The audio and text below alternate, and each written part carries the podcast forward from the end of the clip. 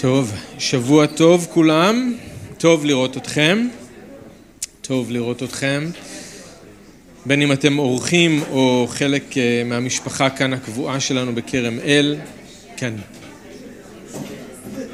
וכן, נכון, אני רציתי, לא, אני רציתי להגיד, זה נכון. כן, אנחנו במיוחד, במיוחד רוצים להגיד אה, ברוכים הבאים לעמוס ושרה שחזרו אלינו. איפה, איפה הם? והשיר מול העיניים שלי, כן. כמה, שלושה, שלושה שבועות זה היה? חודש, ארבעה שבועות, כן. מאוד מאוד התגעגענו ואנחנו מאוד מאוד שמחים שאתם פה איתנו. אה, אז יש הרבה חוויות, בטוח, גם מהונג קונג וגם מסינגפור, אז כן. תאילנד בדרך, נכון? אז יש הרבה הרבה, כן, הרבה מאוד חוויות, אבל אנחנו שמחים שחזרתם, ממש ממש כיף לראות אתכם איתנו.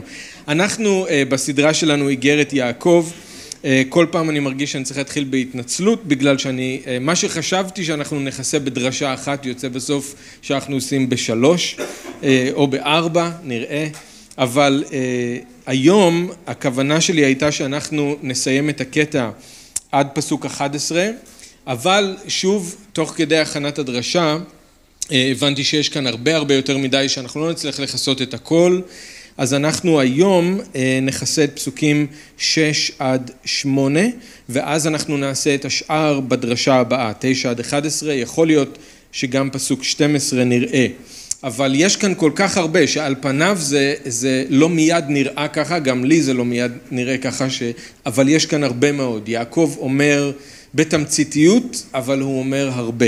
אז אנחנו רוצים את מה שיש לאלוהים בשבילנו ולא למהר יותר מדי, אז זה מה שאנחנו נעשה היום. עכשיו רק להזכיר לכם, אנחנו מדברים שוב על כל. כל ההקשר הוא ההקשר של הניסיון שבא עלינו.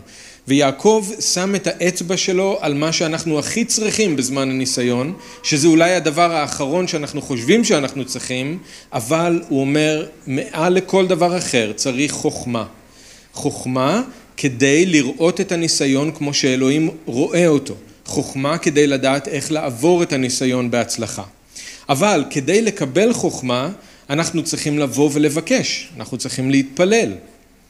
אבל כדי להתפלל, ולכאן אנחנו מגיעים היום, אנחנו צריכים אמונה. עכשיו, יש כאן משהו שבפסוקים 6 עד 8, שאני חושב שהוא יכול להיות מאוד מטעה. לא אני חושב, אני שמעתי הרבה פרשנויות שהן לא נכונות של הפסוקים האלה, זה יכול מאוד להטעות, זה יכול להיות משהו אה, שפוגע אפילו בקשר שלנו עם אלוהים. ולכן חשבתי שזה נכון לא למהר ולדבר על מה שיש כאן, פסוקים 6 עד 8. אז אני רוצה לקרוא שוב מ-5 עד 11 כדי שיהיה לנו את ההקשר, ואז נדבר על 6 עד 8, על לבקש באמונה. איש מכם אם יחסר חוכמה, יבקש מאלוהים הנותן לכל בנדיבות ובלא גערה ותינתן לו. אך יבקש באמונה ובלי ספק, כי בעל הספק דומה לגלי הים הנדחפים וסוערים מפני הרוח. אותו האיש אל יחשוב כי יקבל משהו מאת אדוני, בהיותו איש הפוסח על שתי הסעיפים, הפכפך בכל דרכיו. יתהלל האח הדל ברוממותו, העשיר שיתהלל בשפלו, כי כציץ חציר הוא יחלוף. הן בעלות השמש הלוהטת יבש שחציר ויפול ציצו ויאבד חן מראהו, כן גם העשיר יבול בהליכותיו, יבקש באמונה ובלי ספק. אבא, אנחנו מודים לך על דברך ואנחנו מודים לך שבדברך יש אור. כמו שכתוב, פתח דברך יאיר, מבין פתאים. ואנחנו מודים לך שהדבר שלך הוא כנר לרגלינו וכאור לנתיבותינו. שאנחנו לא צריכים לגשש באפלה ולנסות להבין בעצמנו מה לעשות, מה אנחנו צריכים לדעת, לאן ללכת, לאן לפנות. יש לנו אותך, ואתה מזמין אותנו לבקש ממך חוכמה, כדי שלא נשען על התבונה שלנו ברגעים הכי קשים, ברגעים הכי מבלבלים. אתה מזמין אותנו לבוא ולבקש ממך עזרה, לשים את היד שלנו ביד שלך וללכת איתך ביחד, בזמן שהוא חשוך, בזמן שהוא קשה, בזמן שהוא מבלבל. ואנחנו מודים לך שאתה גם אומר לנו לא רק מה לבקש, אלא איך לבקש, ועל זה אנחנו רוצים להסתכל הערב, ואנחנו מבקשים שתיתן לנו עיניים לראות ואוזניים לשמוע. בשם ישוע. אמן. אז אני בטוח שכולנו היינו במצב הזה, גם אתם, גם אני, רגע לפני שקנינו משהו, או רגע לפני שחתמנו על משהו, ואולי מישהו הזהיר אותנו ואמר לנו, תקרא קודם טוב טוב את האותיות הקטנות. תמיד תשימי לב אם יש שם אולי כוכבית, נכון? קודם תעבור על הכל ותוודא שאתה מבין בדיוק על מה אתה חותם. עכשיו למה האזהרה הזאת? כי אנשים מפזרים הבטחות שהם בעצם לא מתכוונים לקיים. אבל כדי שלא נוכל לתבוע אותם, אז המציאו את השיטה הזאת של הבטחה פלוס כוכבית. כן? אז הם מכוסים. הם מבטיחים משהו שנשמע מושלם, אבל אז ליד ההבטחה שמים איזושהי כוכבית, כוכבית שמאפשרת להם לא לקיים את מה שהם הבטיחו, או לא לקיים בדיוק כמו שהם הבטיחו. ואז זאת הבעיה שלנו שלא שמנו לב, לא הבעיה שלהם, הם מכוסים. מבטיחים לנו שניים במחיר אחד, אבל אז מוסיפים את הכוכבית בכל קנייה מעל 100 שקלים, נכון? או עד גמר המלאי, או רק בסניפים המשתתפים במבצע, זאת הבטחה פלוס כוכבית. מבטיחים לנו הלוואה בריבית נמוכה, אבל עם כוכבית. עומדים בתנאים למשך השנה הראשונה בלבד, או איזשהו תנאי מקביל אחר, זאת הבטחה פלוס כוכבית, וכולנו יודעים שהבטחה פלוס כוכבית זאת לא הבטחה. מבטיחים לנו משהו ואז הכוכבית באה ולוקחת אותו מאיתנו. האותיות הקטנות באות ומקלקלות לנו את הכל. ואיך זה קשור לקטע שלנו הערב? אז אני חושב שהרבה מאוד מאמינים מרגישים שפסוקים שש עד שמונה זה כוכבית שבאה אחרי ההבטחה של פסוק חמש. שקודם כל אלוהים מבטיח להם משהו שנשמע מושלם, אבל אז הוא פתאום שם שם כוכבית שמקלקלת את הכל. עכשיו מה שאני מקווה שנעשה הערב זה שנוכל לראות שזה לא ככה. אין בדבר אלוהים הבטחה פלוס כוכבית, אלוהים הוא לא כמונו, כתוב אלוהים הוא לא איש ויכזב או בן אדם ויתנחם, ההוא אמר ולא יעשה, דיבר ולא יקימנה. אז אני רוצה שתראו למה אני מתכוון רגע, איפה שמים כאן כוכבית ליד ההבטחה? ואז אני רוצה שאנחנו נסתכל על מה באמת, מה באמת דבר אלוהים אומר כאן ואז אני מקווה שנוכל למחק, למחוק את הכוכבית הזאת ולהתמלא בביטחון שמה שאלוהים הבטיח הוא גם יקיים. ההבטחה היא מה שראינו בשבוע שעבר, איש מכם אם יחסר חוכמה יבקש מאלוהים הנותן לכל בנדיבות ובלא גערה ותינתן לו. אמרנו שהניסיון לא בא לפגוע בנו, הוא לא בא לשבור אותנו, בדיוק הפוך. יעקב אומר שאנחנו צריכים לחשוב את הניסיון לשמחה גדולה כי אלוהים רוצה לצרוף את האמונה שלנו, לבנות בנו כוח או איתנות. כוח שיאפשר לנו להמשיך לעמוד בניסיון, לא לצאת מהאש מהר מדי. ואז בזמן שאנחנו עומדים בניסיון, עומדים בתוך האש, אז הוא פועל בנו והוא מבגר אותנו והוא מטהר אותנו והוא משנה אותנו. אבל כשאנחנו בתוך הניסיון אז קשה לנו לראות את זה ככה, אנחנו באופן טבעי חושבים רק על איך לצאת מהקושי כמה שיותר מהר. אז יעקב אומר מה צריך לעשות? לבקש מאלוהים חוכמה, שנראה את הניסיון כמו שהוא רואה אותו, שנדע איך לעבור אותו ביחד איתו. אז בפסוק חמש הוא מבטיח לנו, אם רק תבקשו ממני, אני אתן לכם חוכמה.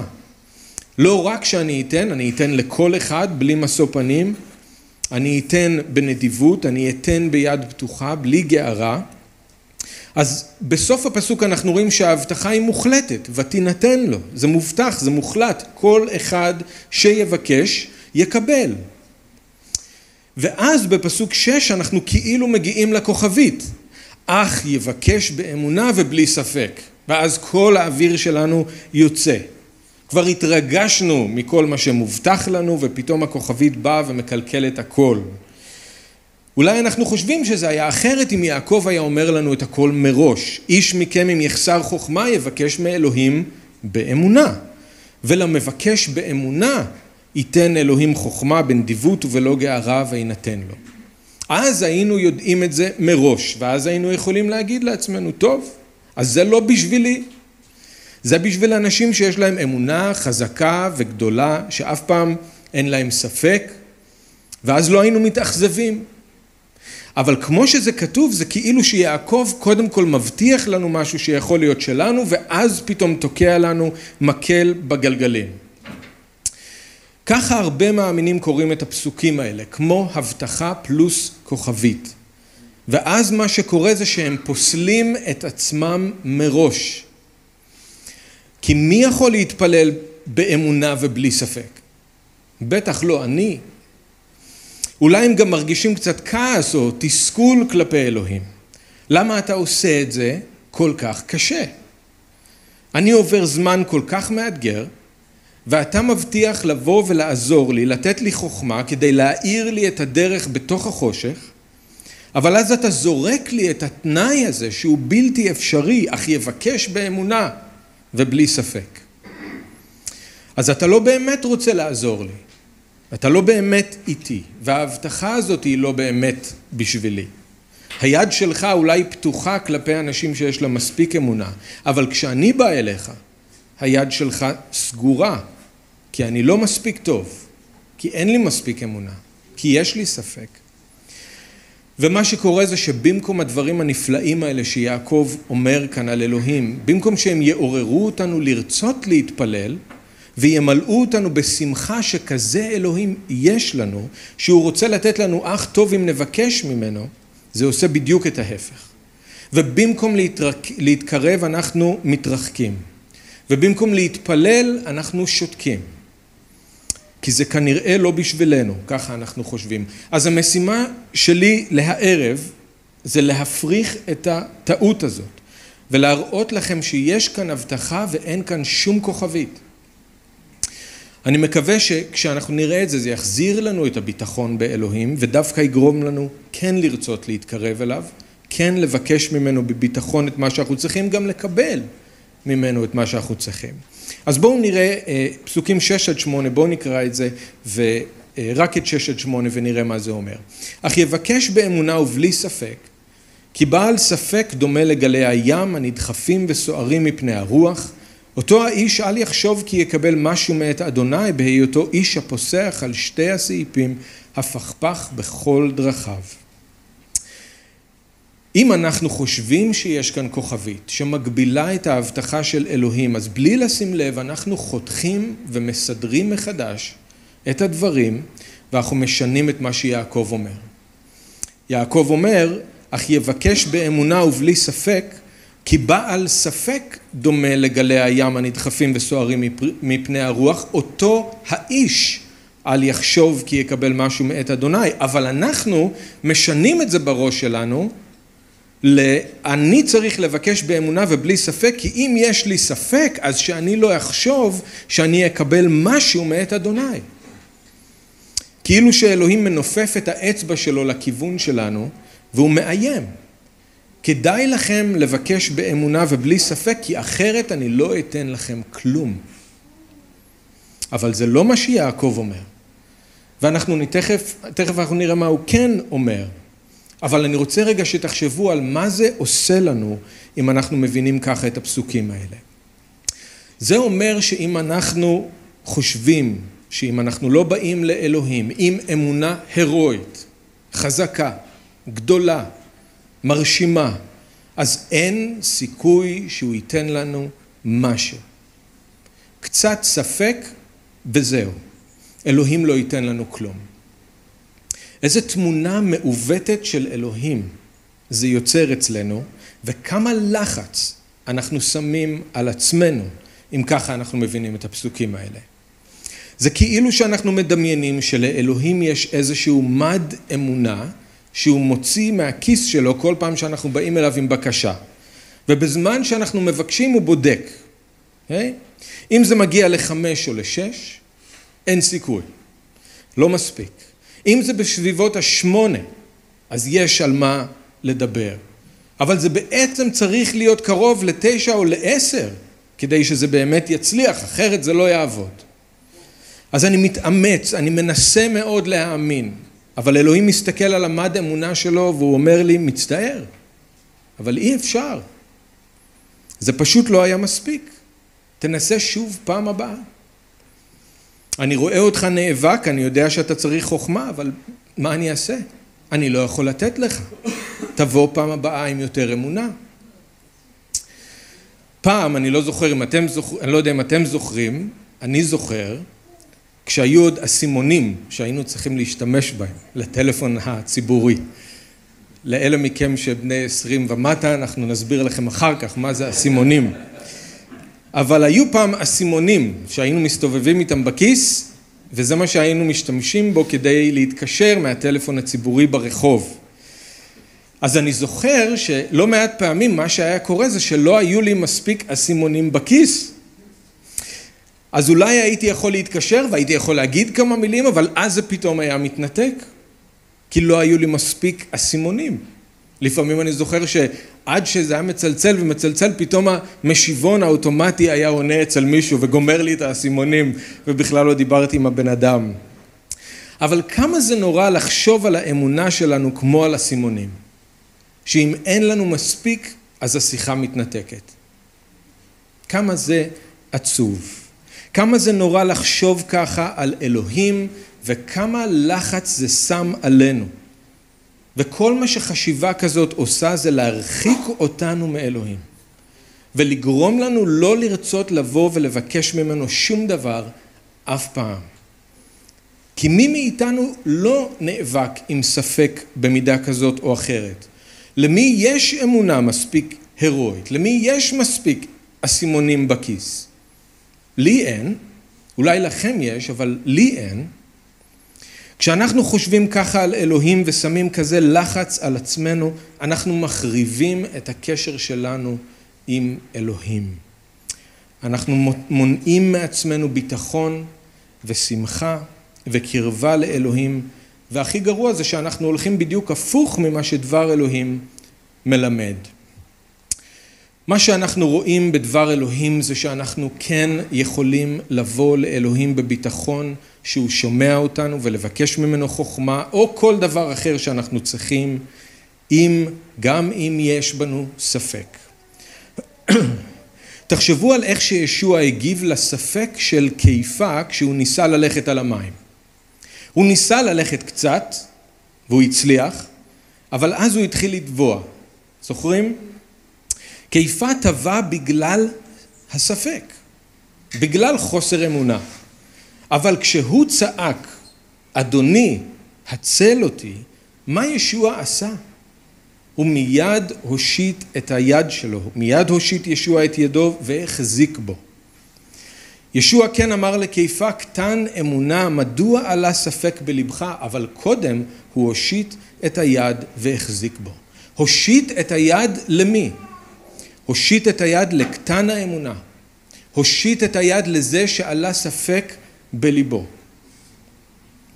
ישוע לא נתן לקיפה לטבוע בגלל שעלה בו ספק, והוא לא ייתן לכם לטבוע אם יעלה בלב שלכם ספק.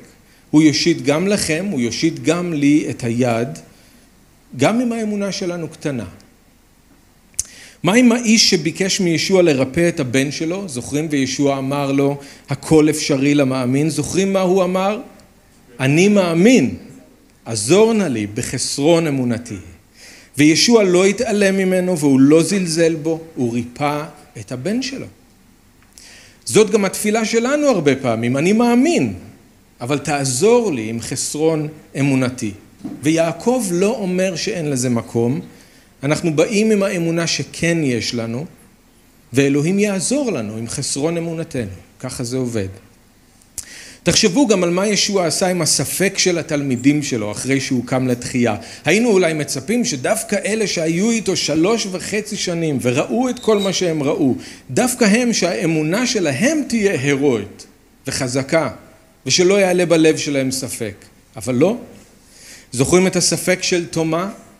אם לא אראה את סימן המסמרים בידיו ולא אשים את אצבעי במקום שהיו המסמרים ולא אשים את ידי בצידו, לא אאמין.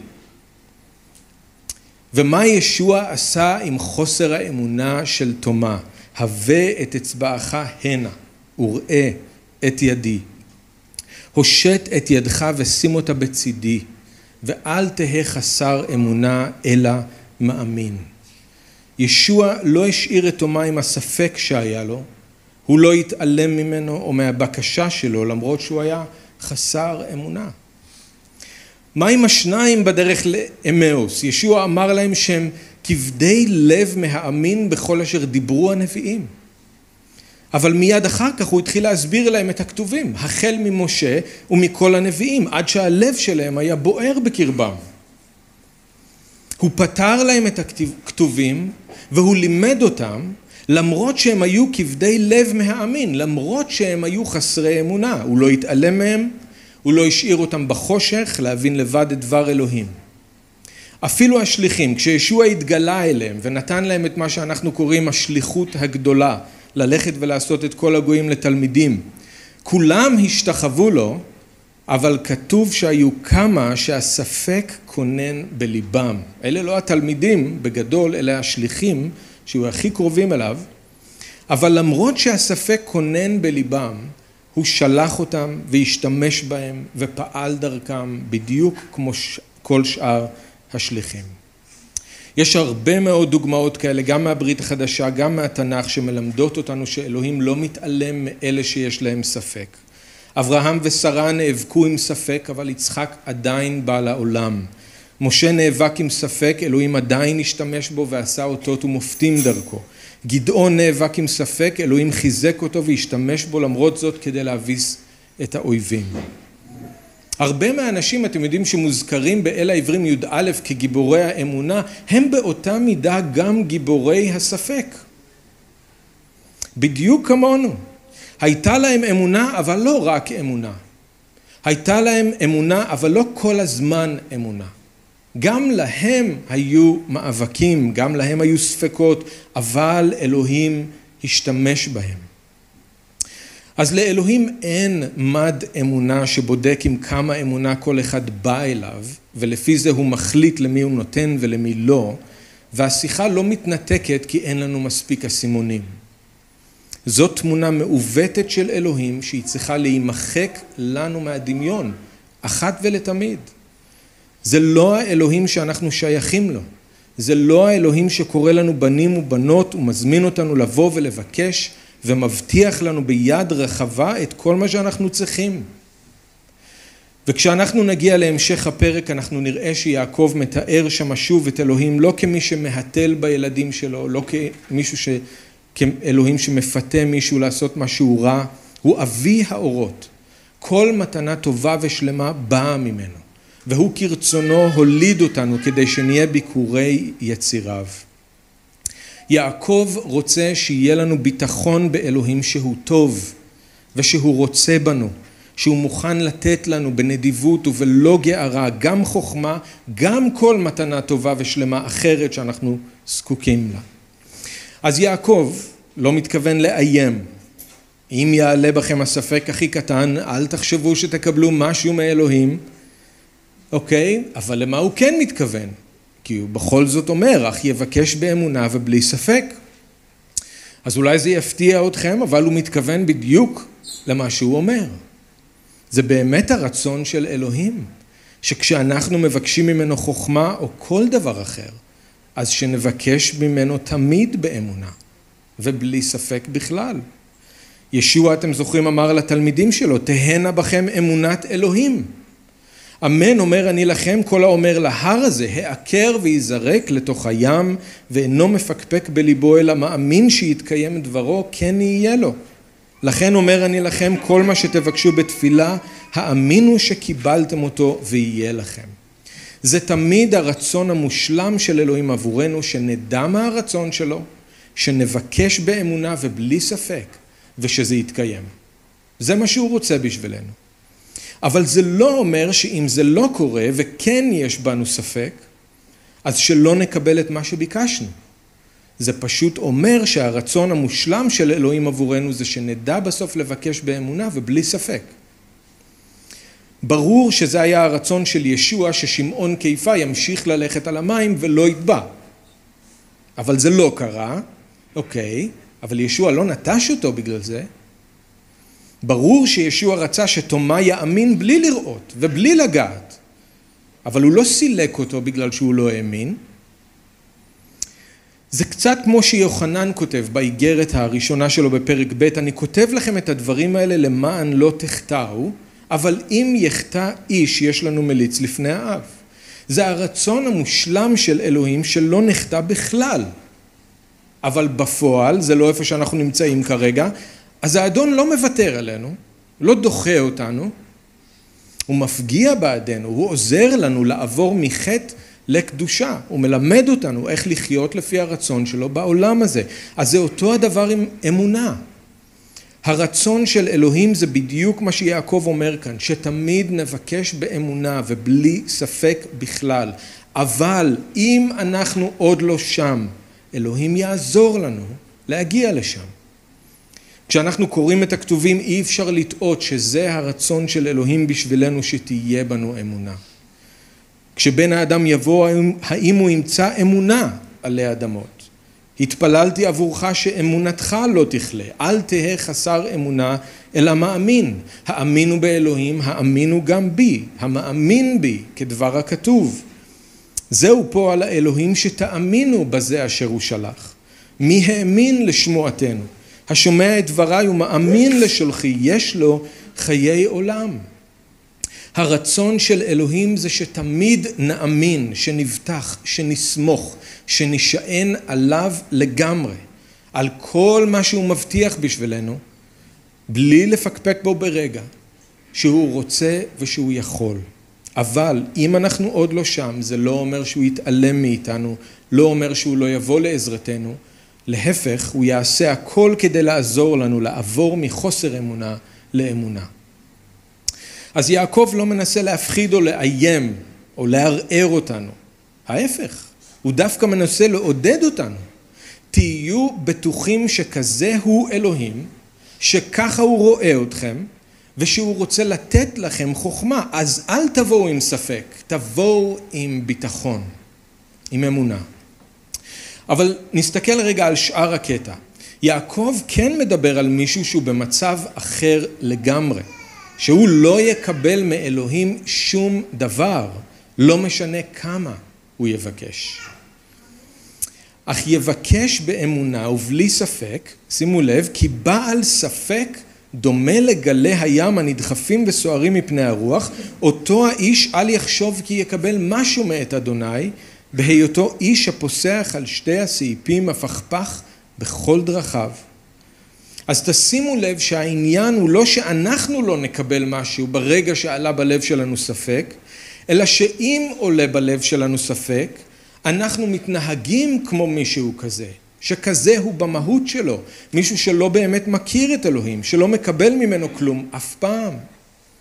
תראו שיעקב מתאר כאן מישהו שהוא לא מאמין. הוא קורא לו בעל ספק, הוא מדבר עליו כאותו האיש, והוא אומר למאמינים שהוא כותב להם, אל תהיו דומים לו. תראו שאותו האיש הוא לא סתם מישהו מאמין שעולה בלב שלו ספק מסוים, הוא לא מישהו מאמין שנאבק עם חוסר אמונה, שימו לב מה יעקב אומר עליו, הוא מישהו שכל החיים שלו מאופיינים בזה שהוא כל הזמן כמו גלי הים הסוערים, כל הזמן הוא משנה את דעתו, כל הזמן הוא מחליף את העמדה שלו, כל הזמן הוא נסחף אחרי מישהו אחר או אחרי איזושהי תורה חדשה. הכי חשוב, מה שמבדיל אותו מהמאמינים זה שהוא מישהו שעדיין לא עשה בחירה ללכת רק אחרי ישוע ולהאמין באלוהים ולהיות נאמן רק לו. יעקב משתמש כאן בשתי ביטויים מאוד חזקים כדי לתאר את המצב שלו. הוא אומר שהוא איש שפוסח על שתי, שתי הסעיפים ושהוא הפכפך בכל דרכיו. פוסח על שתי הסעיפים זה מיד מחזיר אותנו נכון לסיפור של אליהו. כשהוא אתגר את העם לבחור צד, במי אתם מאמינים, עם מי אתם הולכים, עד מתי אתם פוסחים על שתי הסעיפים, אם אדוני הוא האלוהים לכו אחריו, אם הבעל לכו אחריו. בעצם המילה הזאת זה מעניין כי היא מופיעה כאן ביוונית בפעם הראשונה בהיסטוריה.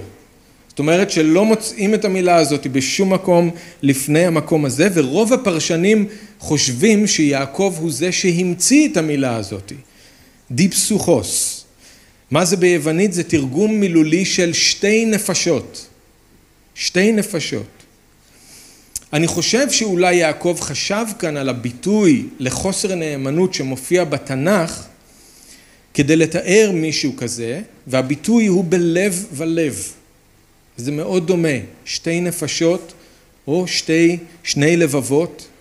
במזמור י"ב, תהילים י"ב, כתוב שב ידברו איש את רעהו שפת חלקות, בלב ולב ידברו. הם דיברו בחוסר אמינות או נאמנות, חוסר כנות. דוגמה חיובית לזה זה בדברי הימים א' י"ב 34 על אלה שבאו לצ... מהצבא של זבולון להילחם. מזבולון יוצאי צבא, אורחי מלחמה, בכל כלי מלחמה חמישים אלף, ולעדור בלא לב ולב. הם יצאו למלחמה בלי להיות חלוקים, בלי להיות לא נאמנים, הם יצאו נאמנים למלחמה. אז אותו האיש שיעקב מדבר עליו הוא מישהו שיש בתוכו שני לבבות, שתי מחשבות, שתי דרכים, והוא מסרב לבחור, הוא מסרב לבחור. דוד התפלל בתהילים פ"ו, יחד לבבי ליראה שמך. הוא רצה שיהיה בו לב אחד, לא לב ולב. הוא רצה לב נאמן לאלוהים. הביטוי השני שיעקב משתמש בו, הפכפך בכל דרכיו, מופיע רק כאן בברית החדשה. המשמעות היא אדם שהוא לא יציב, כל הזמן זז, קם ונופל, מתהפך. האדם הזה שיעקב מתאר הוא רחוק מלהיות מאמין, הוא מישהו שחי על הגדר, חי בצומת דרכים והוא מסרב לבחור, הוא מסרב להיות נאמן. זה לא אומר שהוא לא בא לקהילה, זה לא אומר שהוא לא מתפלל, לפי מה שיעקב אומר כאן הוא מתפלל, הוא מבקש, אבל הוא לא מקבל כלום. ויעקב מזהיר אותו, וזאת אזהרה חשובה, שהבן אדם הזה לא יחשוב שהוא יקבל משהו מאלוהים, אפילו לא דבר אחד, כי הוא לא נאמן, הוא לא יציב, הוא לא בחר צד. אני חושב שכולנו פגשנו אנשים כאלה, אנשים שאולי באים לקהילה, מתפללים, רוצים ברכה מאלוהים בשם ישוע, אבל ליתר ביטחון הם קושרים גם חוט אדום על היד. למזל. תולים שום מחוץ לדלת, כי מי יודע. אלה אנשים שיורים לכל הכיוונים, בתקווה שהם יפגעו במשהו. הם מוכנים לעשות הכל, הם מוכנים ללכת לכל אחד כדי להשיג את מה שהם רוצים. וישוע בשביל האנשים האלה זה רק עוד אחד מהניסיונות שלהם לקבל ברכה או הצלחה בחיים. רק אחד מיני רבים. הם לא נאמנים. הם הולכים לכל מיני מקומות, לכל מיני אנשים, הם יעשו הכל כדי להשיג ברכה, אבל הם לא אוהבים את ישוע, הם לא מכירים את אלוהים. אז יעקב אומר, זה מתאים למישהו כזה לבקש מאלוהים עם ספק, כי הוא כזה, הוא הפכפך בכל דרכיו, הוא לא נאמן לאלוהים, הוא נאמן לעצמו, הוא לא מכיר את אלוהים והוא לא בוטח בו. אלוהים הוא רק אחד מאלה שהוא מבקש מהם, אבל הוא לא בצד של אלוהים. כזה אדם לא יקבל מאלוהים כלום, לא משנה כמה הוא יבקש. אז כשאתם מתפללים עם ספק בלב, אתם דומים לו. אתם דומים לאותו האיש. אתם מתנהגים כמוהו, אבל זה לא אתם. כזאת תפילה לא מתאימה לכם. זה לא לכם לבקש ככה, כי אתם יודעים מיהו אלוהים. אתם יודעים כמה הוא אוהב אתכם. אז תתפללו באמונה ובלי ספק. אז הקטע הזה הוא חשוב, כי במקום שאנחנו נראה את זה כאיום, אנחנו צריכים לראות את מה שיעקב אומר כאן כעידוד. עידוד כן ללכת לאלוהים, כן להתפלל באמונה, ובלי ספק, כי זה לא מתאים לנו. אם אנחנו באמת מכירים את אלוהים, אם טעמנו וראינו שהוא טוב, אז זה לא מתאים לנו להתפלל עם ספק. ואם יש בנו ספק, עדיין לבוא לאלוהים ולהגיד לו, אני מאמין, אבל עזור לי בחסרון אמונתי. אבל אל תיתנו לשקר הזה לחלחל. אני פגשתי יותר מדי מאמינים לאורך השנים שהם חיים עם המחשבה הזאת שלאלוהים יש מד אמונה בכיס ובסוף הם מחליטים שהם לא ראויים, הם פוסלים את עצמם מראש והם לא באים לאלוהים והם לא מבקשים או אם הם מבקשים הם מאוד מתנצלים, מאוד בלחש, מאוד בשקט כי לא מגיע לי, כי מי אני? כי עולה בלב שלי ספק. אל תיתנו לשקר הזה לחלחל אליכם. אלוהים רוצה שיהיה לנו ביטחון כשאנחנו באים אליו. ביטחון. אבל הוא יודע איפה אנחנו נמצאים והוא יעזור לנו, אוקיי? אז מאוד חשוב. שבוע הבא אנחנו נסתכל ביחד על הפסוקים הבאים שמתארים אולי, על העני ועל העשיר, מתארים אולי מה קורה כשמישהו עובר ניסיון, מבקש חוכמה מאלוהים, איך הפרספקטיבה שלו משתנה, איך הוא מסתכל אחרת על המצב שלו, אוקיי? אז זה אנחנו נעשה שבוע הבא. בואו נתפלל. אבא יקר, אנחנו רוצים להודות לך שאתה נאמן, שאתה טוב, שאתה נוכח, שאתה אדון פותח את הזרועות שלך כדי לקבל אותנו כפי שאנחנו, איפה שאנחנו. ואנחנו אפילו הערב באים אליך עם ערבוב של אמונה וספק. לאף אחד מאיתנו אין מספיק אסימונים בכיס. אנחנו באים אליך כמו שאנחנו, אנחנו אומרים לך, אדון, אנחנו מאמינים, אבל עזור לנו בחסרון אמונתנו. אנחנו רוצים לבוא בביטחון, אבל קשה לנו, אז תעזור לנו. אנחנו מבקשים ממך שתלמד אותנו איך לגדול ולהתחזק באמונה כדי שלא יהיו בנו ספקות. אבל עד אז, אדון, תהיה איתנו, תעזור לנו. תראה לנו מה לעשות ותעזור לנו לבוא אליך שוב ושוב ושוב, בדיוק כפי שאנחנו, מתוך ביטחון שאתה רוצה לתת לנו חוכמה וכל מתנה טובה ושלמה אחרת בנדיבות ובלא גערה, וזה יינתן לנו. אנחנו מודים לך, אנחנו מברכים אותך בשם ישוע, אמן.